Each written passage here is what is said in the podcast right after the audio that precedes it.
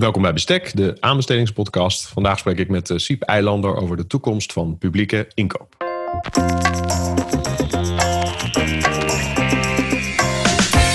Welkom bij Bestek, de podcast voor de aanbestedingswereld. Deze serie biedt inzicht in onderzoek. Meester Dr. Willem Jansen van de Universiteit Utrecht bediscussieert de uitdagingen van het aanbestedingsrecht. Samen met zijn gasten gaat hij voor u op zoek naar oplossingen. Dit is Bestek, de aanbestedingspodcast. Nou, welkom uh, Siep. Dankjewel uh, Willem. Uh, leuk dat je me voor deze podcast hebt gevraagd. Nou, ontzettend leuk dat jij de tijd hiervoor wil nemen om eigenlijk als eerste, en ik moet denk ik wat uitleggen, als eerste echte hardcore practitioner, inkoopspecialist. Ik, goed, we kunnen zo meteen de, de precieze definitie opschrijven um, of uitspreken. Dat is misschien makkelijker in een podcast. Um, uh, je bent werkzaam geweest bij het ministerie van EZK, de politie, het ministerie van uh, BZK. Bovenal ben jij natuurlijk oud uh, CPO van het Rijk. Sinds december ben je voorzitter van december 2017 ben je voorzitter van de Navy. Um, en waarom begin ik daar gelijk mee? Is om uit te leggen dat ik ehm, ook tegen de, de opzet van bestek aanliep. En wat bedoel ik daarmee? Is dat ik de afgelopen nou ja, anderhalf jaar, iets meer dan anderhalf jaar met ontzettend veel inspirerende mensen heb gesproken over aanbesteden en het aanbestedingsrecht. Uh, maar de focus was altijd op uh, onderzoek. Dus dat waren altijd onderzoekers. En um, uh, dat heeft heel veel mooie inzichten opgeleverd. Hè? De, wellicht is die informatie wat breder verspreid. We hebben wat extra inzichten opgedaan tijdens die podcastaflevering. Dus dat, daar ben ik hartstikke blij mee. Maar het, het, het, het, er zat altijd een beetje een onrustig gevoel in mij. Is dat ik merkte ja, er zijn toch eigenlijk ook ongelooflijk veel mensen met best practices, met worst practices, met een schat aan ervaring, uh, waarmee ik ook zou kunnen praten, maar die dan wellicht niet het hebben opgeschreven in een wetenschappelijke publicatie. Uh, dus nou ja, tada, hier zijn we. Uh, dit is eigenlijk de eerste aflevering waarmee ik bestek een beetje uitbreid. Uh, kijk alsjeblieft nog niet op de website, want dat heb ik nog niet aangepast. Maar uh, het idee is daar. Um, dus ontzettend veel dank, uh, Siep, dat je vandaag de tijd neemt en zo enthousiast reageerde op de, op de uitnodiging. Um, als we er gelijk in mogen springen. Um, ik, ik, ik, ik, las net al een kort gedeelte van jouw cv op. In die zin was er vast veel meer te, meer te noemen. Maar Um, het, het, mooie daarvan is van, van de lengte van jouw werkende bestaan, is dat, je, dat jij, anders dan ik, de ruimte hebt om te reflecteren op jouw werkende leven. Of in ieder geval dat dat wat verder reikt dan die van mij. Um, uh, misschien om mee te starten. Um, als je er terugkijkt, hoe is nou publieke inkoop in die afgelopen twee decennia, of misschien nog wel verder, uh, veranderd? Ja, dat is natuurlijk een goede vraag. En het is eigenlijk ook altijd niet zo makkelijk om een ontwikkeling te duiden als je er uh, middenin zit. Maar je hebt uh, me gevraagd om op deze vraag voor te bereiden. Dus we gaan alleen maar moeilijke vragen stellen, Siep. Ja, dat, dat, dat dacht ik. En overigens, het karakter van dit podcast gaat natuurlijk ook wel veranderen. Want in tegenstelling tot al die hooggeleerde mensen die stellige opvattingen hebben over het aanbestedingsrecht en, en dat ook juridisch goed kunnen onderbouwen, ben ik toch meer een beleidsman. En uh, dan kom je toch meer in de afweging van, uh, van dingen. En dat kan ook wel eens betekenen dat je wat minder stellig bent. Maar goed, deze vraag is interessant. als ik kijk naar de, naar de ontwikkeling van inkoop in de publieke sector. Het eerste is, je mag niet generaliseren. Want hoe het bij gemeenten is gegaan, maar zelfs ook hoe het bij onderdelen van de Rijksoverheid is gegaan, dat, dat, dat loopt natuurlijk heel erg uiteen. Ministeries als Defensie en Rijkswaterstaat die hebben een eeuwenlange uh, ervaring met inkoop. Uh, en bij Defensie is het zo. inkoop is bijna beslissend om, als het gaat om. zeker inkoop en logistiek zijn beslissend als het gaat om het winnen van oorlogen. Dus daar is een enorme ervaring. En dit jaar zou, dacht ik ook, als het zou hebben blijven bestaan, het Rijksinkoopbureau uh, 100 jaar zijn geworden. Ja. Uh, ook het eeuwfeest uh, hebben kunnen vieren. Dus er is een lange geschiedenis, je mag, het niet, je mag het niet generaliseren. Maar goed, als ik dat dan toch eventjes doe, dan zeg ik, dan zijn er altijd twee dingen die bij mij in het hoofd springen. Eén is emancipatie. Hè, dus er is een emancipatiebeweging geweest. En tweede is samenwerking. Oké, nou de, de, twee krachten dus, als ik het kort mag samenvatten. Ehm, mijn vraag was eigenlijk te generiek. Ik mocht geen one size fits for all. Daar ben ik het helemaal mee eens, dat is zeker zo. Ehm, het, het Rijksinkoopbureau 100. Um, zou je misschien emancipatie, uh, om daarmee te starten, wat, wat nader uit kunnen? Wat bedoel je daar precies mee? Nou, kijk, bij de, uh, bij de uh, overheid, alles wat de overheid doet, is politiek. He, dus laten we daar even mee beginnen. Maar inkoop, althans de inkoop zoals we die op de ministeries kenden, die was heel lang eigenlijk helemaal niet politiek. en net zoals in het bedrijfsleven de eh, inkoop is ge, ge, geklommen of ge, gekomen van backroom to boardroom, heb je ook zo'n de afgelopen twintig jaar ook wel zo'n beweging gezien in, uh, bij de overheden. Met name uh, als het gaat over milieubewust inkopen, hè, met milieucriteria. Toen hebben ministers, wethouders, burgemeesters, you name it, hebben gedacht: verrek, we kunnen met die inkoop meer dan alleen maar zorgen dat er goede kantoorspullen zijn. Uh, we kunnen inkoop ook echt inzetten voor onze doelen. En dat is, wat mij, dat is volgens mij een, uh, dat is een belangrijke driver geweest. Je moet niet vergeten, uh, een belangrijke driver is ook wel geweest uh, allerlei misstanden die er zijn geweest. Hè, zoals de, het bouwfraudeschandaal. Dat heeft ook heel veel ja, vaat gegeven aan de ontwikkeling van de inkoop in de publieke sector. En alles bij elkaar is dat ook een, dan weer een beweging die een momentum heeft van zichzelf. Uh, en ik denk dus dat je echt daar het, het vlaggetje emancipatie op mag plakken. Een mooie, mooie, mooie omschrijving daarvan. Nou, u noemde er net twee. Um, samenwerken? Ja, samenwerken.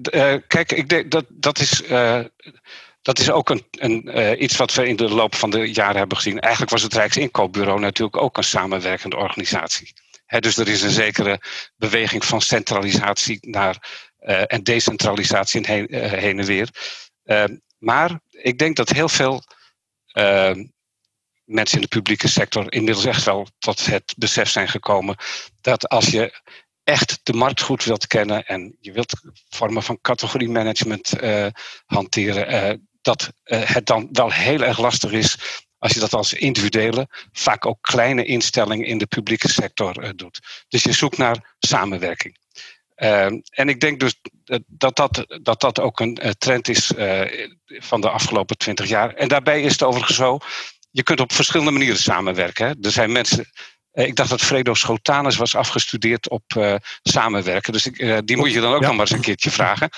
Uh, die, had, die, had ik al, die had ik al gevraagd. Uh, dus dat komt zeker goed. Uh, okay. Maar die, zijn oratie is nog uitgesteld. Dus die, die houden de luisteraars zeker Zo is het. goed. Heel goed. Nou, maar samenwerken kun je dus op heel veel verschillende manieren doen. Hè. Uh, in Ultimo kun je zeggen, we gaan samen inkopen. Ik geef u mijn portemonnee, koopt u maar voor mij in. Maar kennis delen, hè, zoals we dat al nu heel lang bijvoorbeeld via piano doen. dat is ook een, ook een vorm van samenwerking. En dat is echt wel iets... Um, waar, uh, waar Nederland ook echt sterk in is geworden de afgelopen twintig jaar. Ontzettend mooi. Samenwerken en emancipatie. Ik heb ze, ik heb ze genoteerd.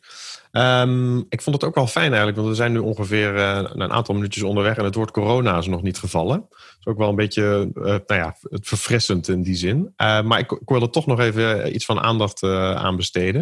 Um, want je bent voorzitter van de Navy. Het zal voor jullie ook een gekke tijd zijn geweest. Um, dus in die zin eh, was mijn vraag daarnet, uh, kunnen we even terugkijken? Laten we dan nu het heden en dan vervolgens gaan we naar de toekomst. Eigenlijk een soort van Jeroen, Jeroen Bos-achtig drieluik. Um, hoe is het jullie vergaan in deze periode? Ja, nou ja, in de eerste plaats, Navy is natuurlijk een fantastische vereniging. Hè? En ik roep alle luisteraars die nog geen lid zijn ook dringend op om lid te worden. Overigens, Nederland is echt een gelukkig land hè, wat dat betreft. Want we hebben een van de beste beroepsverenigingen uh, op inkoopgebied ter wereld. De, de derde, hè, na Verenigde Staten en Groot-Brittannië zijn wij echt de grootste. We zijn ook de enige in de wereld die al jarenlang investeert in inkooponderzoek. We hebben meer dan 10 miljoen euro daar inmiddels in onderzoek gestoken. En we hebben piano. Dus nou, we hebben de, pub de publieke inkopers in Nederland, die zijn nou ja, die zijn echt gelukkig als je dat vergelijkt met andere landen. Nou, Navy dat, bevestig is dus... ik, dat bevestig ik overigens graag hoor. Dus in die zin, ook als ik in internationale onderzoeksprojecten zit, uh, is de Navy en de piano komen eigenlijk altijd naar voren als kennisinstituten en uh, brancheverenigingen of verenigingen in brede zin. Ja. Uh, die altijd worden neergezet als een, met een soort van voorbeeldfunctie. nou, dan zit ik dan vooral in de juridische kant en de beleidskant wellicht. Maar, ja. dus dat is wel echt iets wat ik ook zelf zie in mijn eigen wetenschappelijke praktijk. Goed zo, goed zo, goed om te horen. Nou, uh, Navy heeft natuurlijk ook echt van die COVID-19 of corona uh, best een, uh, een klap gekregen. Je moet je voorstellen, ik, dat vertelde je ook, ik werd in december 2017 voorzitter van Navy. Toen hebben we gedacht, we moeten de koers verleggen. Dat, dat, dat noemen wij Navy Next. Een, een andere, een nieuwe aangepunte strategie. En dat liep echt ontzettend goed. dus dat hebben we heel erg interactief met de leden uh, opgepakt. En daar, nou, daar, kwam veel perspectief uit.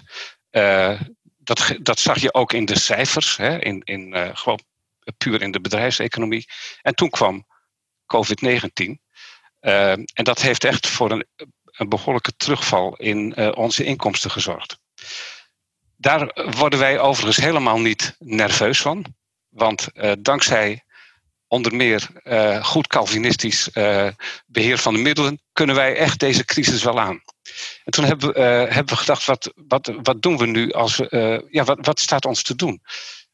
toen hebben we gezegd, wij, wij hebben de middelen, en dat gaan we ook doen, om er beter uit te komen dan we er zijn ingegaan.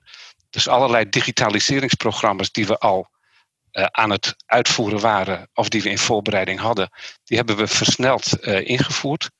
Uh, en het hele portfolio kun je nu, als je wilt, hè, hopelijk doen we ook nog heel veel in, in klassenverband, zal ik maar zeggen. Mhm. Maar als je wilt kun je alles digitaal doen.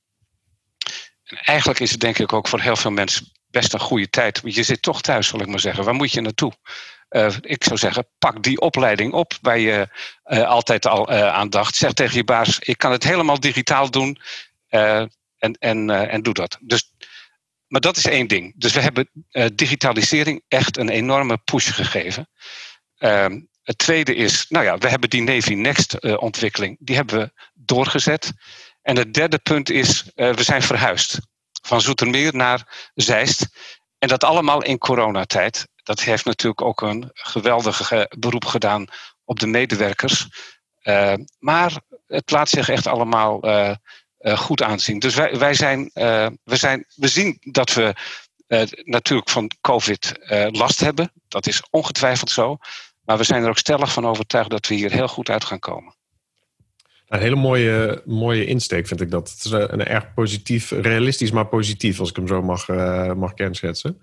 Um, ik denk dat dat eh, voor veel organisaties zo geldt. Hè? Iedereen probeert er het beste, beste van te maken. Ook wat je aangeeft ten aanzien van de opleiding, dat merken wij in Utrecht natuurlijk ook. Zowel in het onderwijs voor studenten, maar ook voor professionals.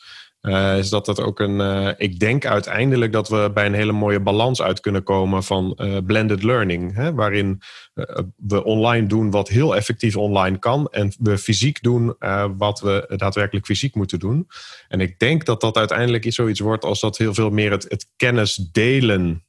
Dat dat veel meer online zal gaan. En dat het daadwerkelijke discussiëren, leren van elkaar in echte soort van netwerksettingen. Is dat dat fysiek zal gaan worden de komende jaren. Want ik denk dat dit wel echt een blijvende impact zal hebben op hoe wij onderwijs uh, zullen gaan vormgeven. Maar misschien kunnen we daar nog een andere podcast over opnemen. Dat is denk ik genoeg stof, uh, stof, stof, stof, voor discussie. Doen we.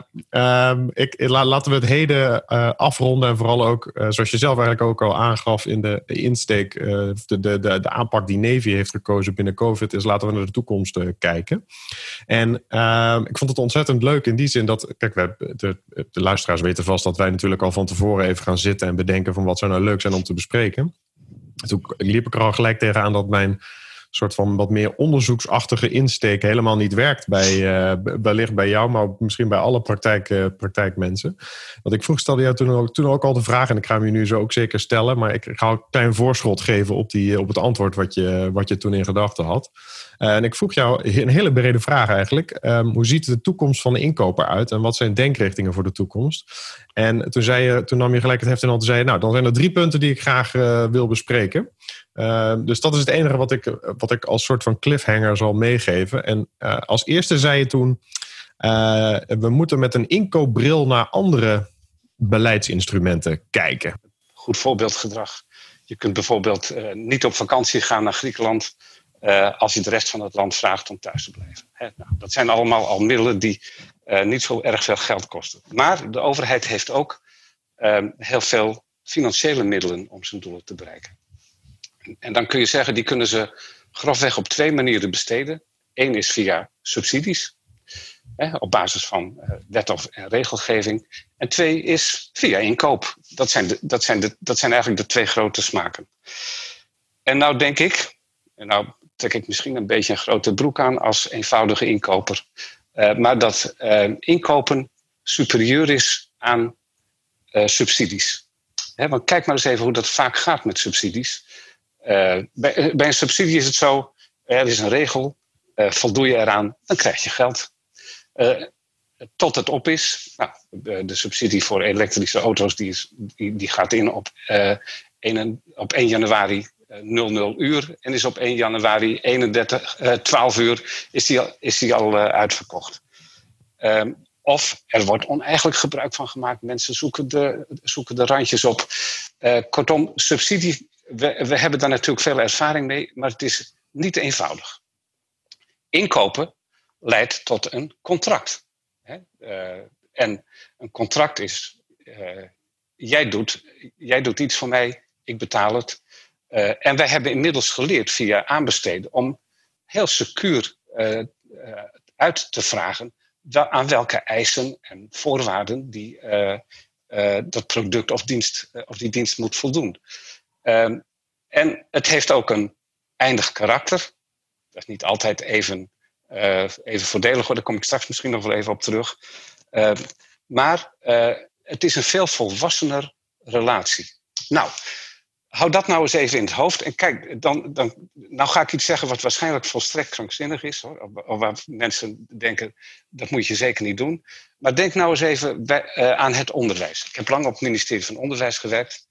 Een enorme begroting gaat, dat gaat de deur uit via subsidies op basis van artikel 23 in de grondwet en allerlei onderwijswetten die daarop zijn eh, gebaseerd.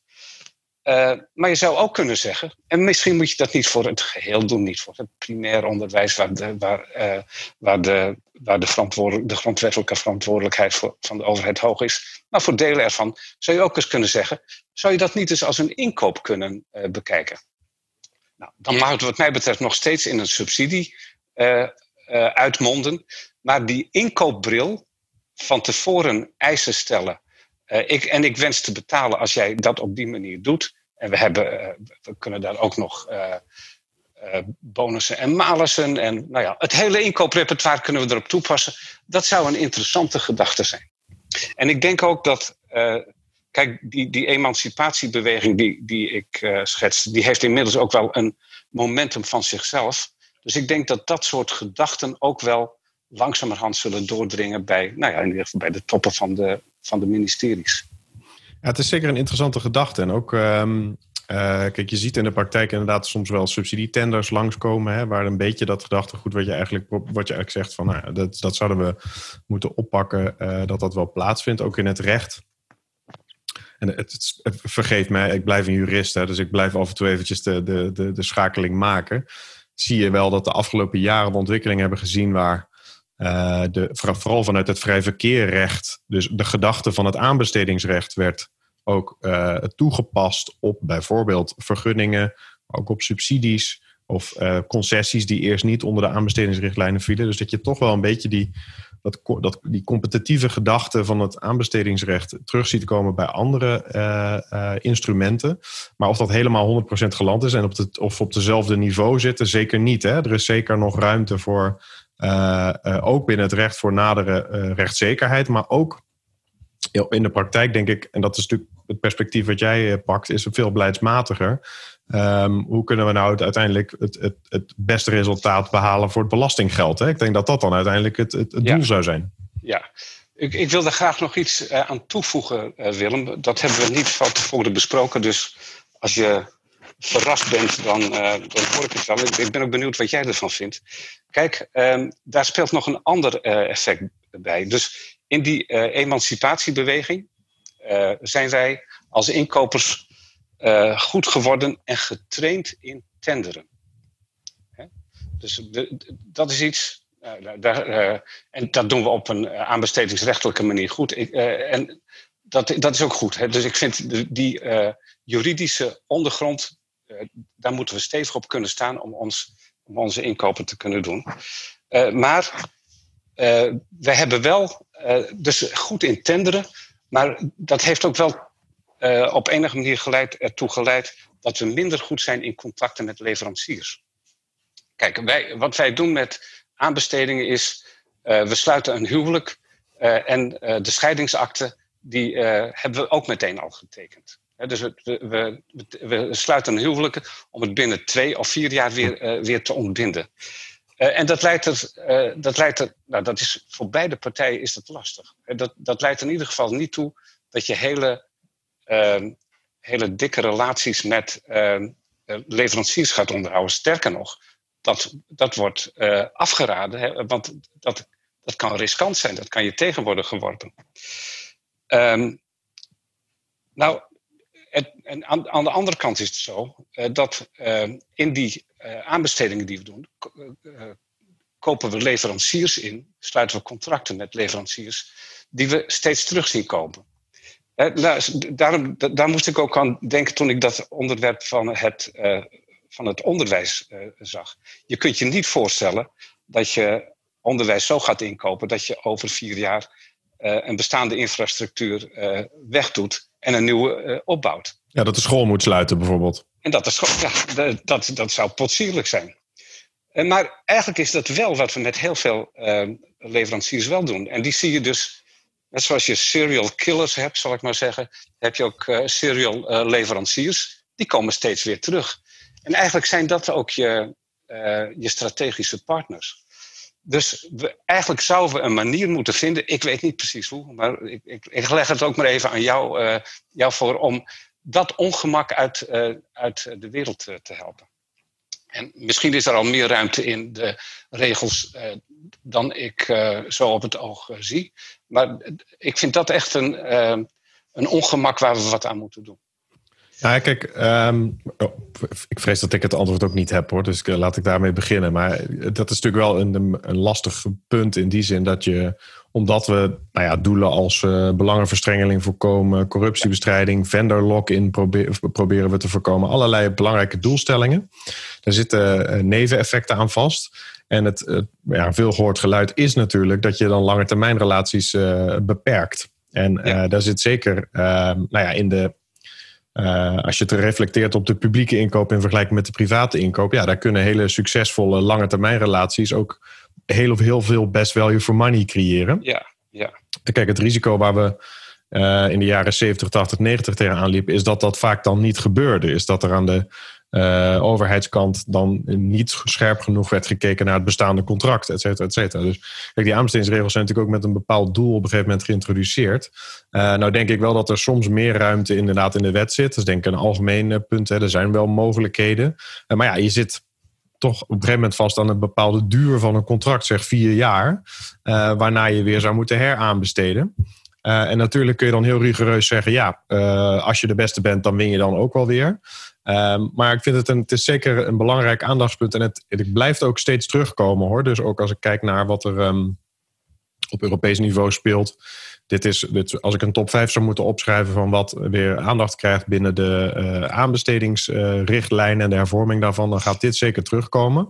Um, uh, al, al, zie je alleen maar, eh, dat zie je zeker ook al terug uit de procedures van 2014, waar veel meer in, op innovatie, lange termijn samenwerkingen, gerichte procedures werden geïntroduceerd.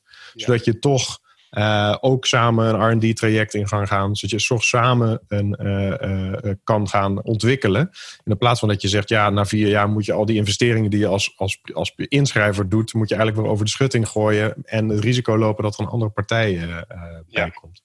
En ik denk overigens ook dat de, om, om toch maar het C-woord er nog maar eens even in te gooien, dat COVID-19 of corona, dat dat ook, ook hier ons weer aan het denken zet. Uh, je hebt natuurlijk uh, de afgelopen tijd een explosie aan uh, staatssteun gezien in de Europese Unie. Ehm, en ik denk ook dat het, het is zeker ook gewettigd voor de Europese Unie en ook voor de nationale overheden afzonderlijk, om er na, over na te gaan denken hoe je toch min of meer autonoom of autarkisch kunt worden op een aantal gebieden. Ehm, en dat betekent ook dat je, uh, dat is ook natuurlijk een discussie, de kampioenen die we hebben, zo, ik noem maar een bedrijf als Siemens, of, uh, dat, we, dat we die uh, toch in, op enige manier een bevoorrechte positie geven. En uh, op zijn minst ervoor zorgen dat dat niet in oneerlijke concurrentie met landen buiten de Europese Unie het loodje gaat leggen. En ik denk, dus, en dan, maar dat betekent dat de, uh, dat de Unie uh, en de nationale overheden veel dichter het bedrijfsleven in moeten. Uh, en, dat, en dat betekent ook dat je, nou ja, dan zou ik zeggen, kijk naar je inkopers, hè, naar je, je goede inkopers. Die, die horen te weten hoe je kennis van markten opdoet, hoe je dat weegt. En gebruik die inkoopkennis. Kijk ook eens met een inkoopbril dan naar dat, naar dat probleem. Nou, dat kunnen we nu roepen. Uh, maar we, kunnen er, we kunnen er zelf ook eens een keer uh, wat aan gaan doen. Hè? Want misschien komen uh, regeringen niet vanzelfsprekend en uit zichzelf op dit soort gedachten. misschien moeten we ze daar een keer een beetje op helpen. Nou, ik weet toevallig, ik kan niet zien wie er luistert naar de podcast, Recep, maar ik weet toevallig dat er aardig wat geluisterd wordt op ministeries in Den Haag. Dat kun je dan weer wel zien. Dus ik, ik tenminste, er wordt veel in Den Haag geluisterd in bepaalde regio's, kun je zien. Dus ik denk dat, dat, Wel, dat de boodschap misschien wel kan landen. Uh, voordat we naar het volgende uh, puntje gaan. Ja dacht ik, ik wil toch nog even de aandacht vestigen. Ook als je het over, als je het over subsidies hebben. Mochten nou mensen denken, naar aanleiding van jou, uh, jouw eerste suggestie of denkrichting. Uh, wil ik wat meer over luisteren. Dan zouden ze nog de, de podcastaflevering met uh, Louise Verboeket over subsidies na kunnen luisteren. Um, ook gewoon beschikbaar op aanbestedingspodcast.nl of in een podcast app. Um, met een inkoopbril naar andere instrumenten kijken. Um, dan komen we bij nummer twee. En dan uh, valt veel in ieder geval een aantal keren door het reciprociteit. Ja, nou ja, uh, reciprociteit is natuurlijk een taboewoord in, uh, in onze wereld. In bedrijven is dat natuurlijk heel gewoon, hè, dat weten we ook wel. Als, als jij mij telefoons verkoopt, dan wil ik graag dat jij mijn auto's afneemt. Hè, dus nou, zo re reciprook gaan we dan graag met elkaar om. dat kunnen we in, in onze publieke omstandigheden nou, bijna niet bijna niet uh, accommoderen. Of niet accommoderen. Um, maar waar ik, waar ik wel altijd. Um, uh, en dat, dus het is niet precies reciprociteit. Uh, maar laat ik het noemen het, het uh, belonen van goed gedrag. Dat is misschien een betere, een betere term. We hebben beperkte mogelijkheden om slecht gedrag af te straffen. dan moet je al iets vreselijks hebben gedaan. Dat mag niet langer dan drie jaar geleden zijn geweest. En, dan, nou ja, uh, en je moet onherroepelijk door een rechter zijn veroordeeld. En dan helaas, u valt er buiten. Dus we hebben. Maar uh, als je het nou. De uitsluitingsronde, even. even uitsluitingsronde, ja, sorry. Hè, dus dat, dat, dat, dat is beperkt. En met bebop doen we natuurlijk wel het nodige. Um, maar dat is uh, aan de negatieve kant. Um, ik zou denken. Ik heb altijd het voorbeeld in mijn hoofd van KPN. Uh, eh, wij deden uh, uh, heel veel zaken met KPN als Rijksoverheid. KPN was ook de grootste belastingbetaler van Nederland, dacht ik. Nou, misschien niet de allergrootste, maar een hele forse. dus die, die en misschien is het niet helemaal waar wat ik zeg, maar ik ga er maar even dan vanuit in, in dit voorbeeld dat zij zich voortreffelijk aan de Nederlandse belastingregels houden. en ook niet ontwijkend gedrag, belastinggedrag hebben vertoond. Door bijvoorbeeld hun inkoopafdeling in Zwitserland te vestigen. Zoals nou ja, bepaalde banken dat hebben gedaan. dus dat is een, laat ik maar even zeggen, we hebben een keurig bedrijf wat heel veel bijdraagt aan de Nederlandse schatkist, wat zich keurig gedraagt. en wat deden wij? we hadden omdat dat bedrijf zich in andere omstandigheden overigens wel wat minder netjes gedroeg, een groot aantal disputen met ze, juridische. dus we, we, we, zaten om de haverklap met elkaar, stonden we voor het bankje. Nou, en dat vond, dat vond ik dan, dat zijn twee dingen die, ja, die vind ik niet synchroon lopen. dus ik zou, ik zou willen dat of ik zou denken dat we erover na zouden moeten denken hoe we goed, dit soort goed gedrag, hè, goed maatschappelijk gedrag, hoe we dat een plek kunnen geven in, onze, uh, aanbestedings, in ons aanbestedingsbeleid.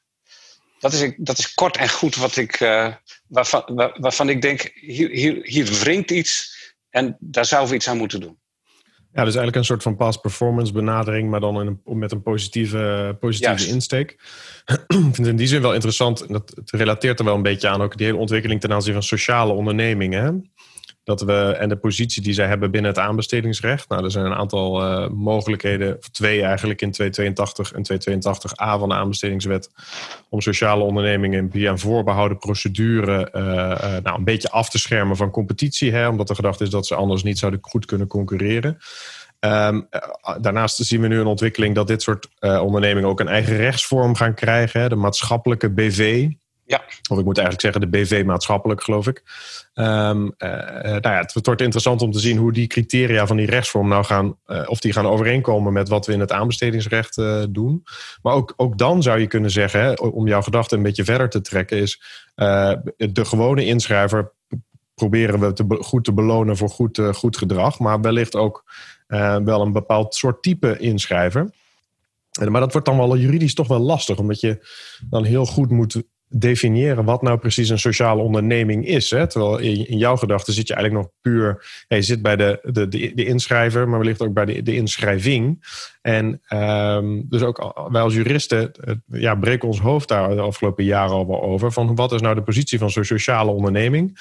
Uh, die, om in jouw woorden te gebruiken, goed gedrag vertoont. Hè? Die bijdraagt aan, aan maatschappelijke uh, um, doelstellingen in, in relaterend aan het klimaat. Um, wat misschien nog interessant is, uh, is om te noemen, uh, is het, het, het preadvies. Pardon. Het preadvies van de Nederlandse Vereniging voor Aanbestedingsrecht, wat, dit, wat in het najaar wordt gepresenteerd over past performance. Uh, ik vrees dan wel iets meer op de, aan de negatieve kant. Uh, maar dat was in ieder geval dat we dat grondwerk al verricht. En dan zou eigenlijk jouw suggestie zijn: hoe kunnen we dat nou toch ook nog doorvertalen? Wellicht ook als selectie-eis of als gunningscriterium. Ja. En niet alleen als, uh, als gunnings, sorry, niet alleen als uitsluitingsgrond, maar als een wat een positievere insteek. Is een beetje een rode draad van deze aflevering, merk ik. Hè? Ik, ik, heb, ik heb het idee dat, dat, dat de positieve insteek in de toekomst een, een, een belangrijk aspect lijkt te zijn ten aanzien van inkoop. Um, dus mag ik bij de laatste, zullen we de laatste erbij pakken? Wat je, ja. um, en dan komen we uit. Um, ik omschreef hem als zorginkoop van cowboys naar samenwerking. Ja, ja, uh, dat, is, dat is wel een aardige. Ja, ik, je kunt ook zeggen van roofridders naar samenwerking. maken we dat uh, ervan? Maar laten we dat ervan maken. Kijk, uh, wat we met de zorg hebben gezien de afgelopen periode. We hebben het, het Landelijk Consortium Hulpmiddelen. We hebben het Landelijk Coördinatiecentrum Geneesmiddelen. Erik Kuipers is iedere dag op de buis met het Landelijk Netwerk Acute Zorg. Uh, dus je ziet daar, dat is hoe je het ook went of keert, een vorm van samenwerking. Is wel een, soms is het misschien een beetje top-down uh, gedaan, maar het, het is, uh, het is een vorm van samenwerking. En ik denk dat iedereen ook wel, wel beseft dat, je daar, um, nou, dat dat een goede richting is.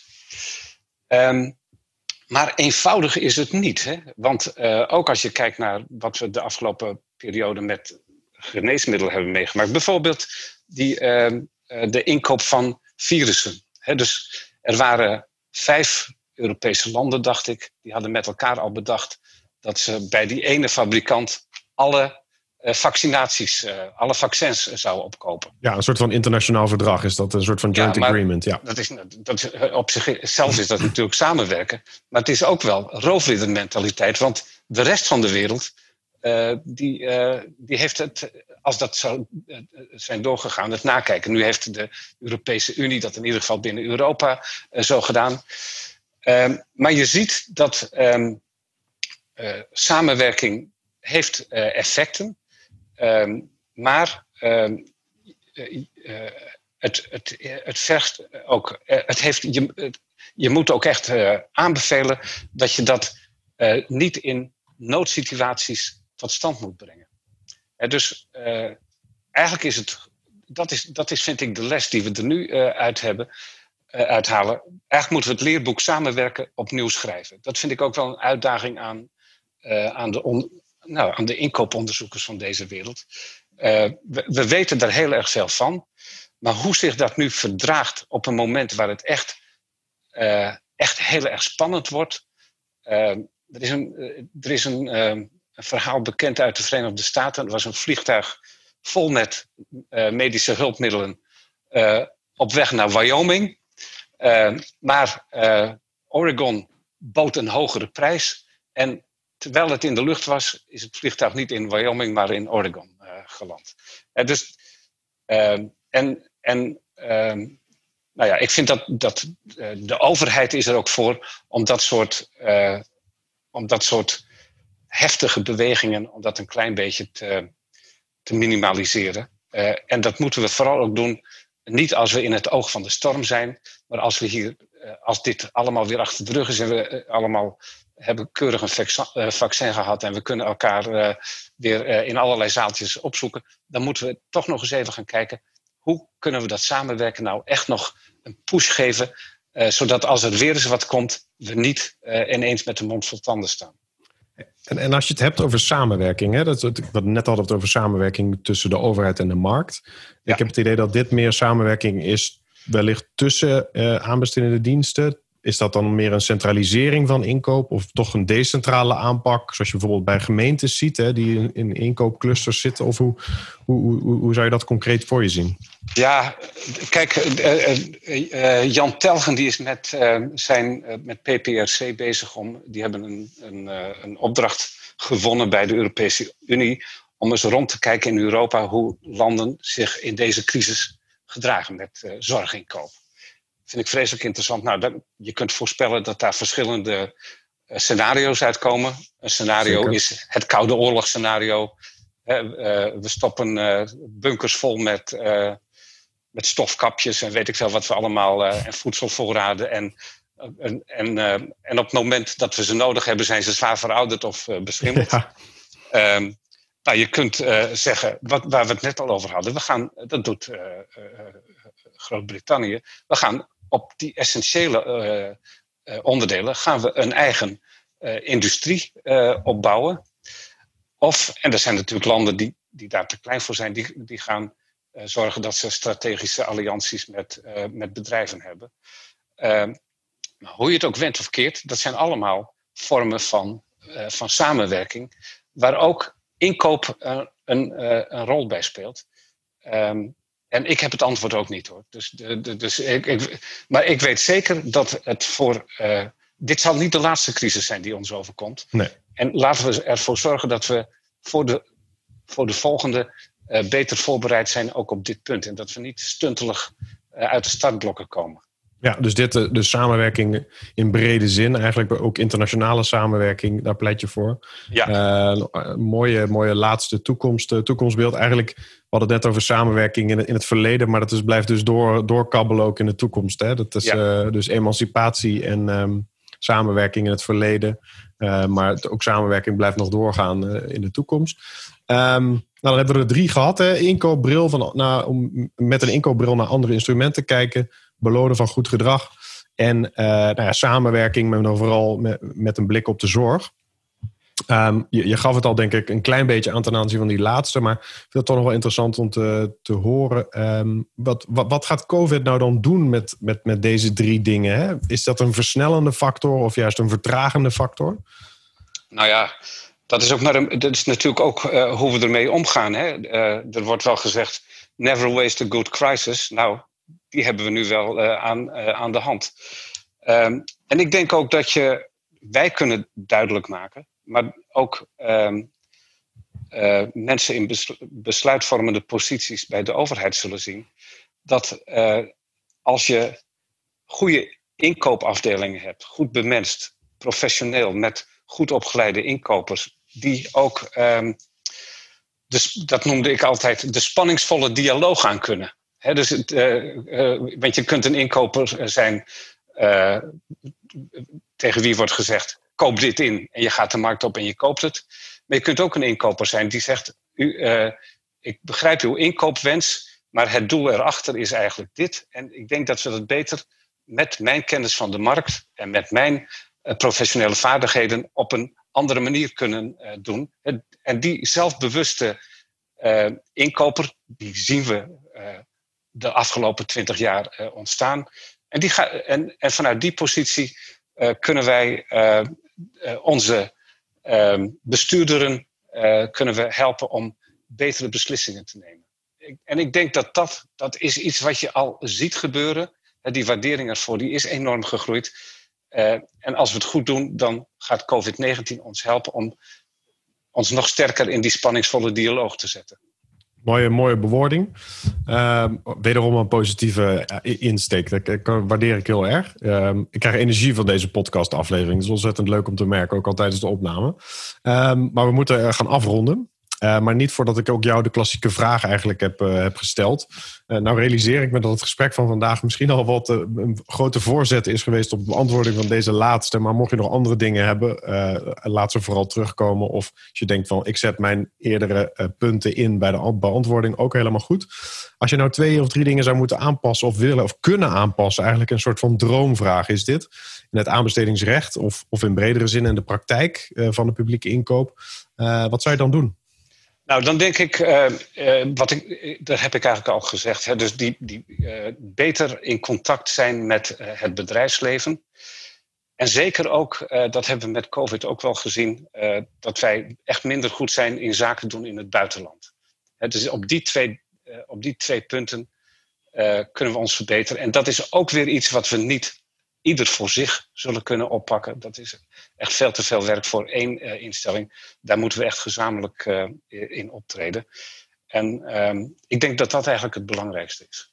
Mooi, ontzettend leuke, leuke afsluiter nog. Um, we hebben het veel gehad over samenwerking, emancipatie, zorginkoop. Er zijn een aantal belonen van goed gedrag. Een aantal ontzettend leuke uh, gedachten langsgekomen.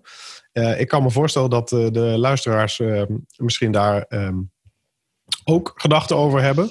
Uh, ik, eh, mag, ik, eh, mag ik ze nou mede namens jou uitnodigen om daar zeker ook actief in te zijn en om die gedachten te delen? Ik denk dat ik geloof er erg in dat als we die discussie met elkaar blijven aangaan, dat we ook daadwerkelijk op een betere plek komen ten aanzien van publieke inkoop, maar zeker ook ten aanzien van het aanbestedingsrecht. Er zaten ook wel wat kritische noten in. Ik heb ze opgeschreven hoor. Dat, dat, wellicht dat we daar nog in de toekomst iets mee kunnen, kunnen doen. Ehm, mag ik jou danken voor, voor jouw bijdrage vandaag? Heel graag gedaan. Ik wens jou heel veel succes met de verdere podcasts. Zeker, nou, ik zit nog wel een tijdje thuis, denk ik. Dus er is veel ruimte om een podcast op te nemen. ik denk niet dat ik overigens te, te, weinig werk heb, hoor, maar ik vind het veel te leuk om hiermee te, hiermee te stoppen. Uh, dank nogmaals. En uh, dit was Bestek, de aanbestedingspodcast. Dit was Bestek, de aanbestedingspodcast. Wilt u ook bijdragen aan de discussie over het aanbestedingsrecht? Deel dan uw gedachten over deze of andere afleveringen op LinkedIn of Twitter. Heeft u een idee voor een aflevering? Laat dan een bericht achter op www.aanbestedingspodcast.nl.